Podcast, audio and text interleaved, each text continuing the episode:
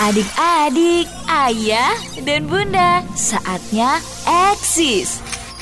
Ekspresi dan kreasi siswa. Menampilkan ragam kegiatan siswa dan sekolah di Lumajang. Selamat mendengarkan.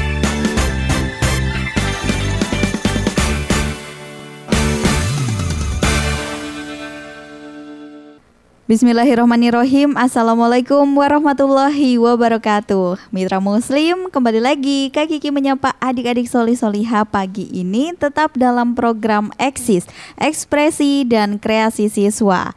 Gimana nih hari libur kalian? Diisi dengan kegiatan apa saja? Mudah-mudahan dengan kegiatan yang positif ya. Edisi Ahad ini Kak Kiki ditemani oleh adik-adik solihah Iya, Soliha. Karena yang datang ke studio Suara Muslim Lumajang ini adalah santriwati dari Ma'had Al-Mishkat Cahaya Al-Quran. Bisa kita sapa dulu dan berkenalan terlebih dahulu ya dengan santriwatinya. Assalamualaikum. Waalaikumsalam. Boleh deh diperkenalkan dulu nama dan juga kelasnya. Nama saya Fasita Astia Anggrani, kelas 11. Nama saya Fitri Novanda Rahmadani, kelas 11. Nah, untuk di Ahad kali ini kalian ingin menampilkan apa sih? Kami akan menampilkan mafudot. Mahfuzot. Oke deh, nanti Kak Kiki akan tanya-tanya sama ustazahnya lebih lanjut deh. Apa sih mahfuzot? Sudah tidak penasaran kan mitra muslim? Nah sambil menunggu mereka bersiap-siap Kak Kiki akan berbincang dengan salah satu asatizah dari Mahat Al-Mishkat Cahaya Al-Quran. Ada Ustazah Lafifa Mardiatul Fitria LC Masih hafal Kak Kiki? Karena dulu pernah datang ke studio Suara Muslim Lumajang juga. Assalamualaikum. Waalaikumsalam warahmatullahi wabarakatuh. Gimana kabarnya Ustazah? Alhamdulillah ba- baik Mbak Kiki. Sehat ya Ustazah? Alhamdulillah sehat. Senang sekali loh saya bisa ketemu lagi sama Ustazah Lafifa. Sering-sering main ke sini Ustazah. Insya Allah. Deket ya kita tetanggaan. Iya. Tadi di awal santri ini kan akan menampilkan eh, hafalan mahfuzotnya. Iya. Nah, apa sih mahfuzot itu? Mungkin saya jelaskan dulu ya. Mahfudot itu eh, merupakan salah satu mata pelajaran yang ada di pesantren. Biasanya beberapa pesantren itu ada. Nah, mahfudot ini kita belajar tentang hikmah, hikmah-hikmah dan peribahasa, tetapi dalam bahasa Arab. Nah, tujuan untuk kenapa kita belajar mahfudot? Karena dengan mahfudot ini nanti kita harapannya menancapkan falsafah-falsafah hidup atau prinsip hidup bagi santri ke depannya itu. Karena kalau yang pernah menonton film Lima Menara, pernah nggak Mbak Kiki nonton? Nah itu kan di kelas itu ustadznya eh, menyampaikan salah satu mahfudot manjada wajada. Iya, sering banget saya denger. Ya itu itu salah satu dari mahfudot itu sendiri. Kalau ma- eh, kalau mahfudot ini sebenarnya dia banyak sekali ya yang akan disampaikan oleh santri ini eh, beberapa mahfudot yang sudah lumayan panjang. Ya, jadi nanti insya Allah ada yang akan disampaikan eh, kita dengarkan saja. Oh oke, jadi eh, masih disimpan dulu ya untuk mahfuzatnya ya. Tapi kalau tadi yang manjada wajada itu memang sering sekali disebutkan dan banyak juga dijadikan story di Iya, medsos gitu ya. Iya. Nah apa sih artinya Ustazah? Kalau manjada wajada sendiri itu artinya barang siapa yang bersungguh-sungguh maka dapatlah ia gitu. Hmm, Seperti itu artinya. Oke baik. Nah ngobrolin tentang al-mishkat nih, ada nggak sih perbedaan pembelajaran di awal-awal pandemi dengan sekarang? Karena kan kalau sekarang ini memang sudah terlihat agak normal ya Iya, sekolah-sekolah itu ya. Iya. Kalau di al-mishkat sendiri gimana? Kalau di Al-Mishkat itu dulu awal pandemi kita sempat pembelajaran itu off eh, online, maaf online. Ya, santri kita sempat kita pulangkan sebentar, tapi ketika kemudian Ramadan kita kembalikan lagi ke pesantren, pembelajaran offline dan alhamdulillah sampai sekarang pun kita tetap offline. Meskipun eh, sempat beberapa pesantren semua online lama ya. Saya teman-teman saya itu online sekitar 4 5 bulanan lebih. Dan kita tetap tetap offline alhamdulillahnya seperti itu. Oh, eh, itu ada kebijakan dari yayasankah eh, pas awal-awal pandemi itu kenapa harus online tetap Iya. di pesantren? Karena waktu itu memang sangat marak-maraknya COVID ya. Mm-mm. Jadi kita khawatir eh, akhirnya dari yayasan minta untuk santri dipulangkan. Kemudian setelah eh, lumayan agak lama uh, yayasan minta santri kembali ke pesantren lagi karena kami melihat memang santri ini cuma sedikit. Mm-mm. Jadi kita menanggulangi itu bisa kita protokol kesehatan itu bisa kita ini bisa kita jalankan dengan baik alhamdulillah. Hmm, iya karena kan memang karena sedikit itu takutnya dia kalau di rumah justru malahan Iya, itu. eh, kena dengan Iya. dari yang lainnya itu Iya, ya itu. karena kan tidak terkontrol. Iya, iya benar. Oke. Nah, untuk pembelajaran eh, tentang hafalan Quran di Ma'had Al-Miskat ini bagaimana sih? Kalau untuk pembelajaran Al-Quran sendiri, kita membagi menjadi tiga sesi, Mbak Kiki. Mm-mm. Dari ada yang setelah sholat subuh, ada yang setelah makan siang, sama se- setelah sholat isya. Dan itu kita mempunyai target sendiri memang. Untuk satu bulan itu kita targetkan satu juz. Dan memang tidak setiap bulan itu santri menyelesaikan targetnya. Ada yang menyelesaikan target, ada yang tidak menyelesaikan target. Kalau dulu sebelum pandemi, eh, kita memberikan reward bagi mereka yang menyelesaikan targetnya dalam satu bulan itu mereka boleh pulang sebentar setiap Oh. satu bulan sekali Uh-uh. tapi karena pandemi ini akhirnya itu kita hapuskan dulu Eh, rewardnya belum diganti sampai sekarang Oh.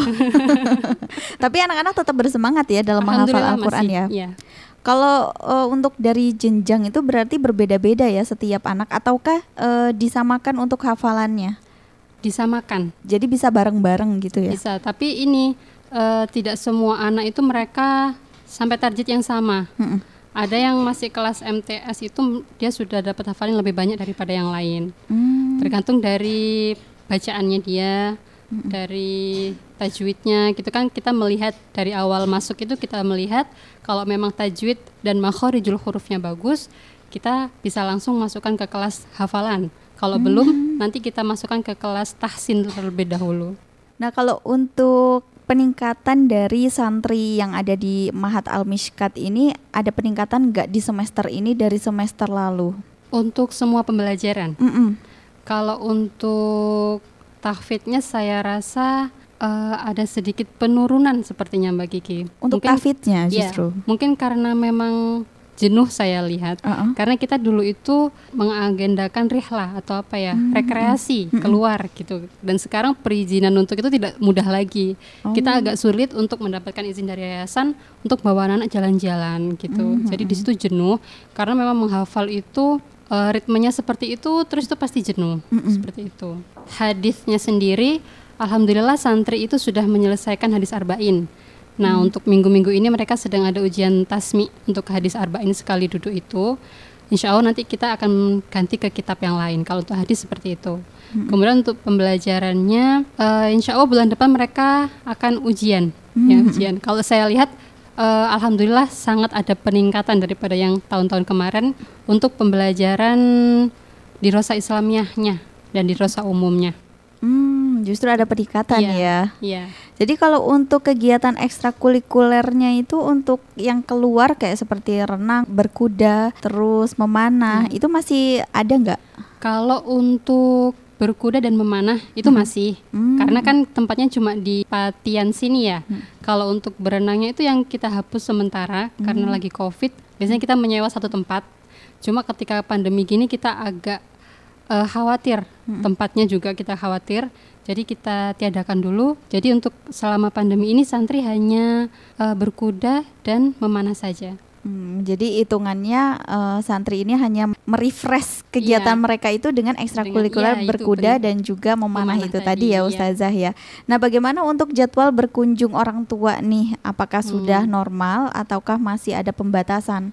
Kalau dulu awal-awal COVID itu kita tiadakan sama sekali. Kalau saya memang kasihan. Iya. Santri tidak bertemu orang tua itu kasihan. Tapi kami memikirkan demi kebaikan bersama, akhirnya kami tiadakan dulu sebentar. Bulan-bulan ini sudah insya Allah tiga kali atau dua kali penjengkukan sudah kami adakan lagi. Hmm, Sudah jadi- normal seperti biasanya. Cuma eh, bedanya dengan yang sebelum COVID, ketika sebelum COVID itu santri boleh dibawa pulang. Nanti sore Oh. dikembalikan lagi. Mhm. Tapi ketika COVID gini hanya ada penjengukan saja. Jadi di sini orang tuanya Iya, sampai sore gitu ya. Iya, boleh sampai sore sampai malam kita izinkan. Oh, jadi dalam satu hari itu dalam untuk bertemu dengan saja. orang tua. Oke. Kalau anak-anak Ma'had sendiri itu mendapat libur pulang ke rumah sebenarnya kapan saja sih? Satu tahun itu dua kali setiap selesai ujian semester Mbak Kiki. Kalau lebaran? Kalau Lebaran libur, insya Allah hanya sekitar dua minggu. Ramadan, pertengahan Ramadan sama setelah uh, Lebaran. Kalau untuk libur pekanan nih kegiatan yeah. dari Ma'had itu apa saja sih? Kalau untuk libur pekanan kami itu liburnya hari Ahad mm -hmm. ya. Hari Ahad setelah sholat subuh itu biasanya ada kajian, mm -hmm. kajian santri Uh, kemudian ada piket akbar kita kalau menyebutnya itu tanziful am. Tanziful am itu bersih-bersih. Jadi mm -hmm. semua dibersihkan kita bagi ada halaman, ngepel, ada nyiram, bersih-bersih kamar, bersih-bersih mm -hmm. taman. Setelah itu mereka biasanya free. Nah, ini mm -hmm. biasanya mereka gunakan untuk nyuci Oh, nyuci selimut, iya. nyuci spray gitu ya. Kemudian jemur kasur, iya. itu yang wajib dilakukan ketika hari libur. Setelah itu mereka sudah punya waktu free untuk mereka sendiri Nanti biasanya sore itu ada konseling dari direktur yayasan. Hmm. Kalau malam mereka gunakan untuk belajar persiapan hari Seninnya. Jadi masih full kegiatan ya, positif ya sebenarnya ya. Iya. masih terjadwal, ya, masih, masih terjadwal. Oke, kalau tanggal merah seperti Kamis kemarin itu ada nggak sih kegiatan lainnya atau memang mereka free gitu? Kalau untuk uh, tanggal merah ya, hmm. tanggal merah itu kita tidak semua tanggal merah libur. Hmm. Kita liburnya itu kalau uh, hari besar Islam saja seperti Isra Miraj itu, hmm. itu kita libur dan itu harus kita adakan kegiatan. Oh. Sebenarnya itu yang libur itu hanya KBM-nya saja Mbak Kiki. Iya ya. Sekolahnya uh, aja yang Tapi libur. untuk kegiatan lainnya tetap. di Maha tetap ya. Iya. Oke deh, terima kasih banyak Ustazah. Nanti di sesi yang terakhir kita ngobrol-ngobrol ya, lagi ya karena sudah penasaran juga nih mitra muslim yang ingin mendengarkan uh, penampilan dari santriwati Mahat Al-Miskat Cahaya Al-Qur'an. Tetaplah dalam program Eksis. Adik-adik, ayah, dan bunda masih bersama Eksis, ekspresi dan kreasi siswa. Pingin tampil eksis juga? Hubungi nomor telepon 0811 3400 899 atau datang langsung ke studio Suara Muslim Lumajang, Jalan Diponegoro 80, Jogoyudan, Lumajang. Eksis segera kembali. Baik mitra muslim kita lanjutkan program Eksis, Ekspresi, dan Kreasi Siswa. Kali ini saya sudah bersama santriwati dari Ma'had Al-Miska Cahaya Al-Quran. Pastinya Anda semua juga sudah banyak yang menunggu-nunggu ya kemampuan dari santriwati ini. Dan untuk talent yang pertama di sini Kak Kiki sapa dulu. Assalamualaikum. Waalaikumsalam. Mbak Fitri Novanda Rahmadani, kelas 11 ya? Iya. Berarti udah SMA ya? Udah ABG juga ya? Usianya berapa? 16 tahun. 16 tahun. Oh, sebentar lagi 17 tahun punya KTP, SIM gitu ya. Bisa naik motor nggak sih? Bisa. Oh, sudah bisa ya. Nah, Mbak Fitri ini kenapa sih memilih Mahat Al-Miska Cahaya Al-Qur'an? Pengen jadi hafiz Quran. Nah asli daerah mana sih? Lumajang, Tempe. Oh masih sekitaran Lumajang aja ya. Jadi yeah. kalau misalkan ada kunjungan orang tua gitu uh, lebih deket gitu ya. Yeah. Atau kalau butuh sesuatu gitu bisa lebih cepat juga ya. Yeah. Sejak kapan nih belajar ngaji dan juga menghafal Al-Quran? Belajar ngaji mulai TK. Belajar ngajinya mulai TK. Nah, kalau untuk menghafal Al-Qur'annya ini mulai dari surat-surat pendek, juz 30 seperti itu mulai kapan? Mulai SD. Mulai SD sudah hafal. Ya, juz 30. Oh, mulai SD sudah hafal juz 30. Jadi uh, pas masuk ke Mahat Al-Miskat ini tinggal meneruskan saja juz selanjutnya gitu ya. Tapi juz 30 itu enggak semuanya hafal. Jadi ini untuk semuanya penghafalannya ini di Al-Miskat ini. Iya. Hmm, oke. Okay. Nah, sebelum menjadi santri di Mahat Al-Miskat Cahaya Al-Qur'an ini, siapa yang menemani murojaah di rumah? Mama. Oh, mama ya. Jadi hmm. tetap ada kegiatan untuk mengajinya di rumah itu sama mama. Iya. Sejak kapan sih gabung di Mahat Al-Miskat? Mulai kelas 10. Mulai kelas 10, berarti kelas 1 SMA ya? Iya. Oke, dulu SMP-nya di mana? Di SMP Negeri 1 Tempe. Hmm, masih di sekitaran Tempe juga. Iya. Jadi sekarang mulai berani ya untuk tinggal sendiri, ya bisa dibilang sendiri karena lepas dari orang tua ya. Iya. Kenapa memilih pesantren? Hmm, ingin lebih baik lagi. Ingin lebih baik hmm. lagi. Kemarin sudah baik, terus sekarang pengen hmm. lebih baik lagi ya. Kalau sekarang ini sudah hafal berapa juz sih? Empat jus. Empat jus. Oke deh, daripada Kak Kiki kebanyakan cerita, ngobrol langsung aja deh. Mbak Fitri ini ingin menampilkan hafalan mahfuzat ya? Iya. Oke, silahkan. Qala al-Imam Syafi'i radhiyallahu anhu Syakautu ila waqi'i su'a hifdi Fa arsyadani ila tarkil ma'asi Wa akhbarani bi anna ilma nurun Wa nurullahi la yuhdali asi Telah berkata Imam Syafi'i radhiyallahu anhu Imam Syafi'i telah mengadukan kepada seorang waki lemahnya hafalan beliau dan seorang waki pun membimbing beliau untuk meninggalkan maksiat. Seorang waki juga memberitahukan kepada beliau bahwasannya ilmu itu adalah cahaya dan cahaya Allah itu tidaklah diberikan kepada orang yang berbuat maksiat. Hakul walidaini Inna lil walidaini haqqan alaina ba'da haqqillahi fil ihtirami. Awjadana wa rabbayana saghira fastahaqqani hayatal ikrami. Hak kedua orang tua. Sesungguhnya kedua orang tua itu memiliki hak atas kita. Setelah haknya Allah dalam hal penghormatan. Mereka telah membuat kita ada di dunia dan juga mendidik kita di waktu kecil maka sudah menjadi hak mereka untuk mendapatkan setinggi-tingginya penghormatan.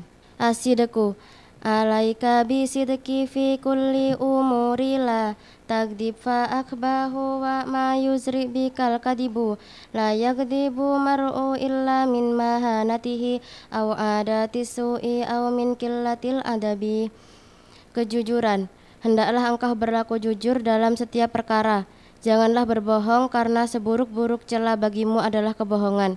Tidaklah seseorang itu berbohong melainkan disebabkan oleh kerendahan moralnya ataupun kebiasaan buruknya maupun kekurangan adabnya. Masya Allah lancar juga ya Mbak Fitri untuk membacakan mahfuzotnya. Gampang gak sih sebenarnya ngafalin mahfuzot ini? Gampang, mudah.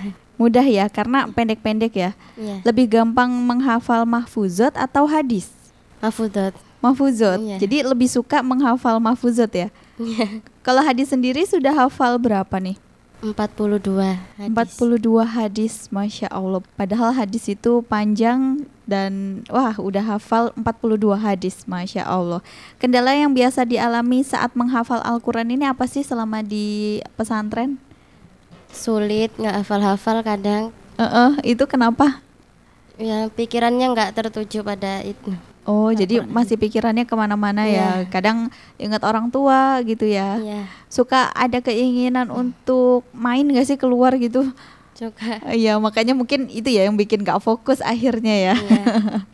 Nah, cara mengatasinya nih ketika sudah kayaknya capek gitu, udah jenuh gitu. Cara mengatasinya supaya bisa merefresh lagi, supaya lebih kembali semangat lagi untuk menghafal Al-Qur'an gimana biasanya? ya ngobrol sama temen. Ngobrol sama temen Iya. ya. Nah, kalau di Ahad ini kan santrinya terbatas. Jadi untuk pertemanan pun juga pastinya sedikit. Kayak tadi inginnya ngobrol sama teman supaya bisa merefresh lagi ya Iya. semangat untuk menghafalkan Al-Qur'an. Nah, kalau Mbak Fitri termasuk eh, anak tipe yang akrab dengan teman banyak atau akrab dengan satu teman? Akrab dengan teman banyak. Oh, akrab dengan teman banyak. Kalau untuk curhat-curhatan gitu dengan satu teman atau dengan banyak teman? Banyak. Oh, Banyak jadi ceritanya bareng-bareng gitu ya. Iya. Kayak berasa rumpi gitu ya. Tapi bukan menggibahi orang juga ya. Nah, serunya apa sih kalau sekolah di Mahat nih kan jauh dari orang tua. Ketemunya juga sama temen yang itu-itu aja. Sering rihlah. Serunya sering rihlah. Eh, kalau sekarang kan pandemi, jadi rihlah itu tadi eh, sementara ditiadakan sampai pandemi ini selesai dan nggak tahu deh kapan pandeminya. Selain itu apa? Sering masak-masak bareng. Masak apa biasanya? Cilok, cireng, Hmm. empek-empek. Semua dari aci ya, cilok, cireng. Oh, empek-empek juga dari aci sih. Aci itu kalau bahasa Sunda itu tepung kanji ya. Nah, kalau Mbak Fitri sendiri gimana sih rasanya ketika harus tampil di radio nih hari ini? Gugup. Gugup, terus apa lagi? Sempet nervous dan menolak nggak pas ditunjuk nih sama Iya. ustazah? Iya. Iya, sempat menolak. Iya. Kenapa? Malu. Oh, malu. Padahal yang keluar kan suaranya aja, mukanya enggak. Kenapa malu? Ya malu aja. Oh, malu aja. Oke, pernah nggak sih ikut uh, lomba atau tampil depan umum nih waktu pas masih kecil atau SMP, SD gitu? Pernah. Pernah. Ikut apa? Lomba puisi. Ah, lomba puisi harusnya ini juga bisa ditampilin juga loh di Eksis. Berarti pernah uh, membacakan puisi. Masih hafal nggak puisinya? Enggak, udah. Oh. itu dulu yang menciptakan puisinya itu puisi sendiri atau membacakan puisi karya orang lain? Puisi sendiri. Puisi sendiri berarti bisa membuat puisi? Bisa. Oh bisa, bisa dikit-dikit ya. Mungkin itu kali yang uh, biar nggak jenuh untuk menghafal Al-Quran terus. Jadi mungkin nganggur-nganggur bikin puisi gitu. Nanti kan bisa dijadikan buku juga loh Mbak Fitri. Hmm. Cita-citanya ingin jadi apa sih selain hafizah? Guru. Oh, mungkin ini ya apa namanya melihat dari asatiza di CA ya. Yeah. Oke deh, terima kasih banyak Mbak Fitri sudah berkunjung ke studio Suara Muslim Lumajang. Semoga cita-citanya terkabul, makin lancar hafalannya ya. Assalamualaikum. Waalaikumsalam. Baik mitra Muslim, hebat banget nih santriwati satu satu ini dan saya masih ada satu lagi loh di sesi yang selanjutnya ya. Tetaplah dalam program Eksis, Ekspresi dan Kreasi Siswa. Adik-adik, ayah dan bunda masih bersama Eksis, Ekspresi dan Kreasi Siswa. Pingin tampil eksis juga? Hubungi nomor telepon 0811 3400 899 atau datang langsung ke studio Suara Muslim Lumajang, Jalan Diponegoro 80, Jogoyudan, Lumajang. Eksis segera kembali. Mitra Muslim gak perlu ragu lagi ya untuk tampil dalam eksis ini karena semua yang sudah tampil di sini bukan hanya memiliki bakat tapi juga keberanian yang sangat luar biasa. Nah, kalau kalian memiliki percaya diri, yuk tampil di sini juga boleh mewakili sekolah ataupun juga pribadi atau tempat ngaji kalian deh, boleh. Jangan mau kalah dengan siswa-siswa dari Kelakah yang semangatnya sungguh luar biasa untuk tampil di eksis ini.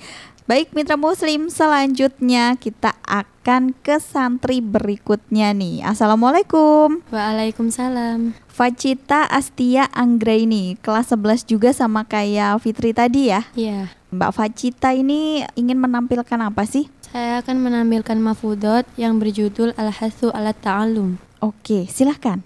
Man lam yadhuka dulla ta'alumi sa'atan tajarra'a dullal jahli tulal hayatihi wa man fatahu ta'limu wa katasababih fakabir alaihi arba'an liwafatihi. Hayatul fata wallahu bil ilmi wat tuqa idza lam yakuna la tibara lidatihi Man lam yadhuka dulla ta'allumi sa'atan tajarra'a dulal jahli tulal hayatihi. Yang artinya barang siapa yang belum merasakan susahnya menuntut ilmu barang sejenak dia merasakan rendahnya kebodohan seumur hidup Waman fatahu ta'limu wa katasyababih fakabir alaihi arba'an li wafatihi. Barang siapa yang lalai dalam menuntut ilmu semasa mudanya, maka berpakbirlah engkau atasnya sebanyak empat kali atas wafatnya. Waman fatahu ta'limu wa katasyababih fakabir alaihi arba'an li wafatihi. Barang siapa yang lalai dari menuntut ilmu semasa mudanya, maka bertakbirlah engkau atasnya sebanyak empat kali akan wafatnya. Hayatul fata wallahu bil ilmi wat tuqah idza lam yakuna la lidatihi. Hidup seseorang itu demi Allah ditentukan oleh ilmu dan takwa. Jika keduanya sudah tidak ada, maka tidak ada lagi harga dirinya. At-tawadu artinya rendah hati. Tawadu ida manil tafin nasi rif'atan fa inna rafi al qaumi man yatawaddo tawaddo ida makana kadruka aliyah fa inna tido amar'i min siyamil aqli. Tawaddo ida manil tafin nasirif atan fa inna rafi al qaumi man yatawaddo yang artinya rendah hatilah tatkala engkau mendapatkan kedudukan di antara orang-orang karena sesungguhnya Orang yang tinggi dalam sebuah kaum adalah yang rendah hati. Tawadoi damaka naqadruka aliyah fa innati al mar'i min siyamil akli. Rendah hatilah engkau ketika berketundukan tinggi karena rendah hati adalah salah satu kematangan akal. Masya Allah Mbak Facita Sudah banyak hafalan mahfuzotnya? Sudah Sudah berapa? 60 lebih 60 lebih Masya Allah Kalau saya berarti terhitung baru hafal satu aja ya Manjada wajada itu hmm. tadi ya Iya Ya Alhamdulillah lah bersyukur Asli daerah mana sih? Daerah Kelaka Daerah Kelaka Oh untuk gabung di Almishkat ini mulai kapan? Mulai tahun 2019 Kenapa sih memilih Mahat Almishkat Cahaya Al-Quran? Karena santrinya masih sedikit, jadi bisa diatur. Hmm, jadi bisa diatur, jadi bisa fokus juga ya. Hmm. Kalau santrinya banyak, mungkin uh, akhirnya ngobrol takutnya ya. nah, kalau Mbak Facita sendiri, sejak kapan sih belajar mengaji dan menghafal Al-Quran? Saya menghafal mulai SMP. Menghafal Al-Quran mulai SMP. Kalau hmm. ngajinya? Ngajinya SD sudah ngaji tapi belum menghafal. Oh, SD hanya baru mengaji aja ya. Baru yeah. menghafalnya itu mulai SMP. Itu yeah. SMP itu menghafal mulai juz 30 surat-surat pendek. Ya, SMP itu dari juz 30. Oh, dari juz 30. Kalau sekarang sudah berapa juz hafalannya? Masuk sini ngulang dari juz 30 lagi. Mm -hmm. 30, 29, 28, 27, 26 sama 1, 6 juz. Oh, jadi hafalannya mulai dari juz 30, 29 sampai 26. Yeah. Kemudian uh, dari depan juz yeah. 1. Sebelum menjadi santri Ma'had Al-Mishkat Cahaya Al-Qur'an nih, siapa yang menemani di rumah untuk murojaah nih? Ayah. Sama ayah. Biasanya kapan sih waktunya untuk murojaah di rumah itu? Habis tahajud sambil nunggu adzan subuh, terus lanjut ba'da sholat subuh. Hmm terus habis maghrib. Hmm, berarti di rumah itu memang sudah terbiasa untuk sholat tahajud ya? Iya. Jadi udah nggak kaget untuk kegiatan-kegiatan seperti itu di pesantren ya? Enggak. Oh, sudah enggak, masya Allah. Nah, kendalanya apa sih yang biasanya dialami ini saat menghafal Al-Quran? Kendala biasanya nggak fokus. Uh -uh, itu kenapa? Nggak fokus karena ngantuk juga. Mm -mm karena kebanyakan tugas. Oh, kebanyakan tugas, iya. Curhat ini ceritanya ya.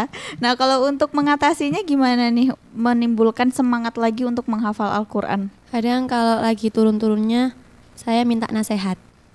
Oh gitu. Hmm. Jadi uh, untuk menimbulkan semangat lagi justru malahan minta nasihat kepada ustazahnya ya. Iya. Oh, masya Allah, jarang loh yang kayak gini. Kadang cara mengatasinya itu mungkin uh, melamun atau menyendiri gitu. Kalau ini justru meminta nasihat ya. Iya. Oh, masya Allah, ini contoh yang baik loh mitra Muslim ya. Dan termasuk saya juga kalau misalkan lagi jenuh atau apa, harusnya mendekati orang soleh ya. Nah itu kuncinya kan ada tuh lagunya Opik yang Tombo Ati ya kan Oh iya itu salah satunya loh mitra muslim. Nah kalau misalkan di Mahat sendiri memang kan terbatas santrinya juga kan masih sedikit. Nah kalau Facita sendiri itu termasuk tipe anak yang akrab dengan semua teman-temannya atau hanya satu atau dua teman aja sih yang akrab? Akrab semua orang. Akrab ya. Jadi ngobrolnya bisa nyantai ke semua orang juga ya. Iya. Hmm, kalau untuk curhat nih biasanya ke siapa? Ke semua No ke semua. Jadi nggak ada urusan pribadi sebenarnya ya. ya. Cuma ada cerita-cerita aja gitu ya. Iya. Hmm, jadi nggak pernah uh, gibahin satu sama lain gitu ya. Karena kan ngobrolnya bareng ya kan. Iya. ya lah janganlah. Nggak baik juga itu. nah kalau serunya uh, ngobrolin tentang keseruan di Ma'had. Sekolah di Ma'had itu serunya apa sih? Kan jauh dari orang tua nggak deket dengan keluarga nggak bisa main keluar semaunya kita gitu serunya itu kita apa-apa bareng kita susah bareng uh -uh. kita seneng juga bareng hmm, kalau susah bareng itu emang uh, biasanya susahnya tuh dalam bentuk apa sih kesusahannya itu? Kita kangen orang tua bareng. Mm-mm. Kita habis dijenguk seneng juga seneng-seneng bareng. Hmm, termasuk banyak tugas juga itu susah atau senang? Sedang lah. Oh sedang ya, berarti susah-susah senang ya. susah kalau tugasnya susah, senang kalau tugasnya gampang, Iya. gitu ya. itu gimana sih rasanya ketika harus tampil di radio sekarang ini? Deg-degan. Oh deg-degan, tapi sebenarnya mau. Enggak. Oh nggak mau, jadi sempat menolak juga ya Iya. untuk tampil ya. Padahal di sini juga Kak Kiki nggak ngapa-ngapain, kok cuma ngajak ngobrol aja, sharing biar Kak Kiki tuh tahu kegiatannya anak-anak Mahat di Almiskat itu apa saja gitu. Nanti bujukin ke teman-teman lainnya juga ya untuk ngobrol sama Kak Kiki di sini. Pernah nggak sih ikut lomba gitu tampil di depan umum? Pernah. Pernah. Ikut lomba apa? Pernah. Fashion show Heeh. sama baca puisi juga pernah, pidato juga pernah. Itu pas SD atau eh, SMP? SD, SMP pernah. SD SMP Oh, pernah. Fashionnya itu SD. SD ya fashionnya ya. Itu kelas berapa sih? Sekitaran kelas berapa kalau fashionnya? SD kelas 6. SD kelas 6. Oh, udah mau ujian nasional terus ikut lomba juga ya. Iya. Supaya semangat ya. Supaya nggak jenuh juga ya belajar terus gitu. Jadi ikut lomba, Masya Allah. Kalau sekarang ingin gak sih ikut lomba-lomba? Eh, misalkan lomba tafid gitu. Sudah malu ya? Sudah enggak. Oh, sudah pensiun. Umurnya berapa sih Mbak Fashta? Saya 17. Oh 17 tahun Berarti sudah mau mulai punya KTP ya Ya kan Sudah gede juga Nah cita-citanya apa nih Mbak Facita? Jadi sutradara. Ingin jadi sutradara yang mengarahkan acting Oh berarti Mbak Facita ini bisa acting ya? enggak. Hah? Terus kenapa ingin jadi sutradara? Pengen buat film yang Islam. Oh, masya Allah, ya ya bener-bener bener. Nanti mungkin kalau jadi peran eh, tante-tante, Kak Kiki bisa ya dipanggil ya kalau jadi sutradara ya. Jangan yang terlalu ibu-ibu banget lah. Oke deh, terima kasih banyak ya Mbak Facita atas kedatangannya ke studio Suara Muslim Lumajang. Semoga cita-citanya terkabul. Assalamualaikum. Waalaikumsalam. Wah, mitra muslim eh, amazing sekali ya. Ternyata cita-citanya ingin jadi sutradara loh. Nah, berarti kalau misalkan jadi sutradara, mungkin Kak Kiki akan ngelamar jadi talentnya juga deh ya, ikut casting gitu ya. Gimana ya kira-kira ya kalau Kak Kiki ikut castingnya ternyata yang disutradarai oleh Santriwati Almishkat ini. Wah, seru sekali kayaknya mitra muslim karena eh, tema-tema yang akan diangkat juga katanya ingin membuat film yang islami. Oke, mitra muslim eh, di sesi yang terakhir nanti saya akan kembali untuk Anda juga ya tetaplah dalam program Eksis, Ekspresi dan Kreasi Siswa. Adik-adik, ayah, dan bunda masih bersama Eksis, ekspresi dan kreasi siswa. Pingin tampil eksis juga? Hubungi nomor telepon 0811 3400 899 atau datang langsung ke studio Suara Muslim Lumajang, Jalan Diponegoro 80 Jogoyudan, Lumajang. Eksis segera kembali. Baik mitra muslim kita lanjut lagi program Eksis, Ekspresi dan Kreasi Siswa. Dan sekarang di sesi yang terakhir saya kembali lagi akan berbincang-bincang bersama Ustazah Lafifa. Penampilan dari santriwati Mahat Al-Mishkat Cahaya Al-Quran ini eh, sudah Anda simak semua ya Dan mereka semuanya keren Termasuk juga memiliki cita-cita yang luar biasa. Jadi mereka ini menghabiskan masa mudanya untuk menghafal Al-Quran Dan juga eh, berperilaku sesuai Al-Quran juga. Nah, Ustazah, gimana sih menumbuhkan eh, semangat mereka untuk tetap mood menghafal Al-Quran nih? Kalau tadi kan memang kendalanya itu ada yang jenuh, bosan seperti itu ya, karena mungkin ritme dan kegiatannya yang itu-itu terus Ya, seperti ya. itu. Gimana sih caranya menumbuhkan semangat? Kalau kami sendiri itu eh, banyak sebenarnya Mbak Kiki. Kadang kita juga cari-cari cara yang pas buat anak-anak. Kadang eh, lebih seringnya kita banyak menceritakan, menceritakan sosok-sosok yang harusnya jadi panutan mereka dalam menghafal Al-Qur'an itu.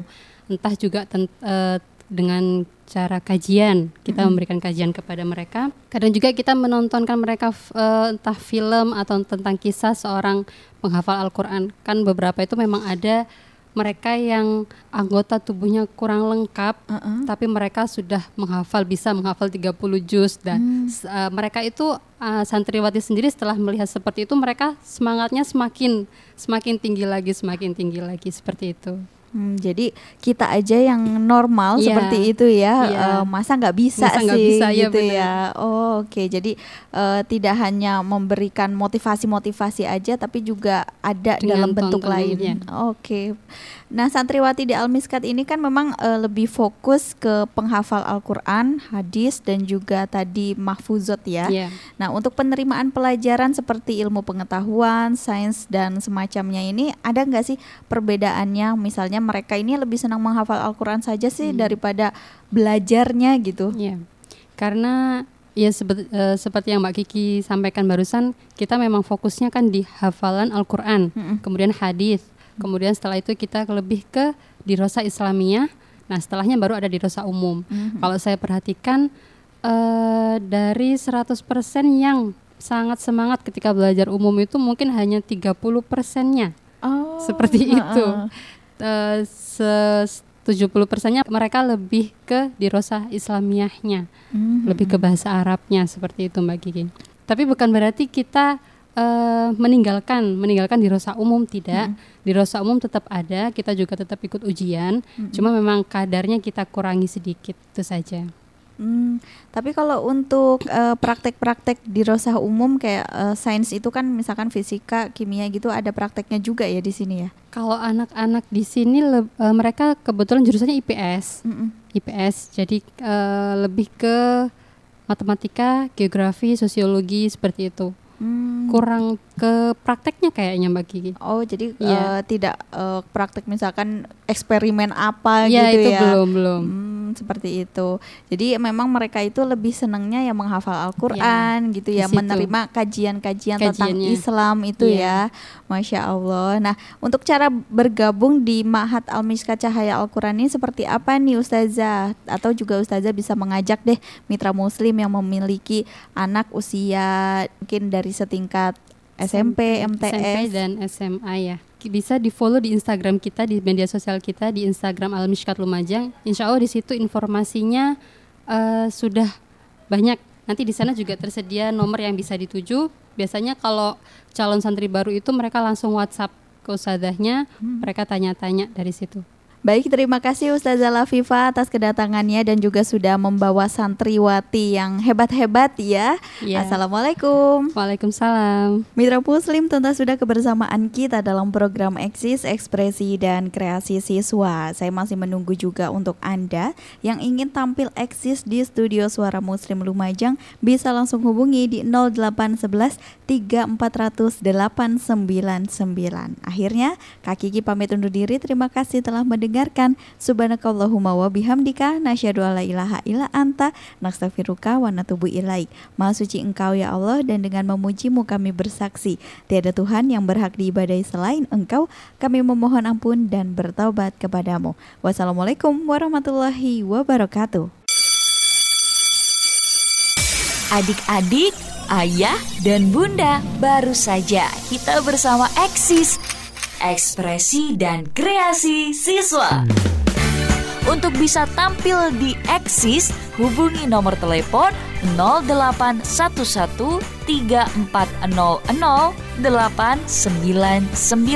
atau datang langsung ke Studio Suara Muslim Lumajang, Jalan Diponegoro nomor 80, Jogoyudan, Lumajang. Sampai jumpa di Eksis pekan mendatang.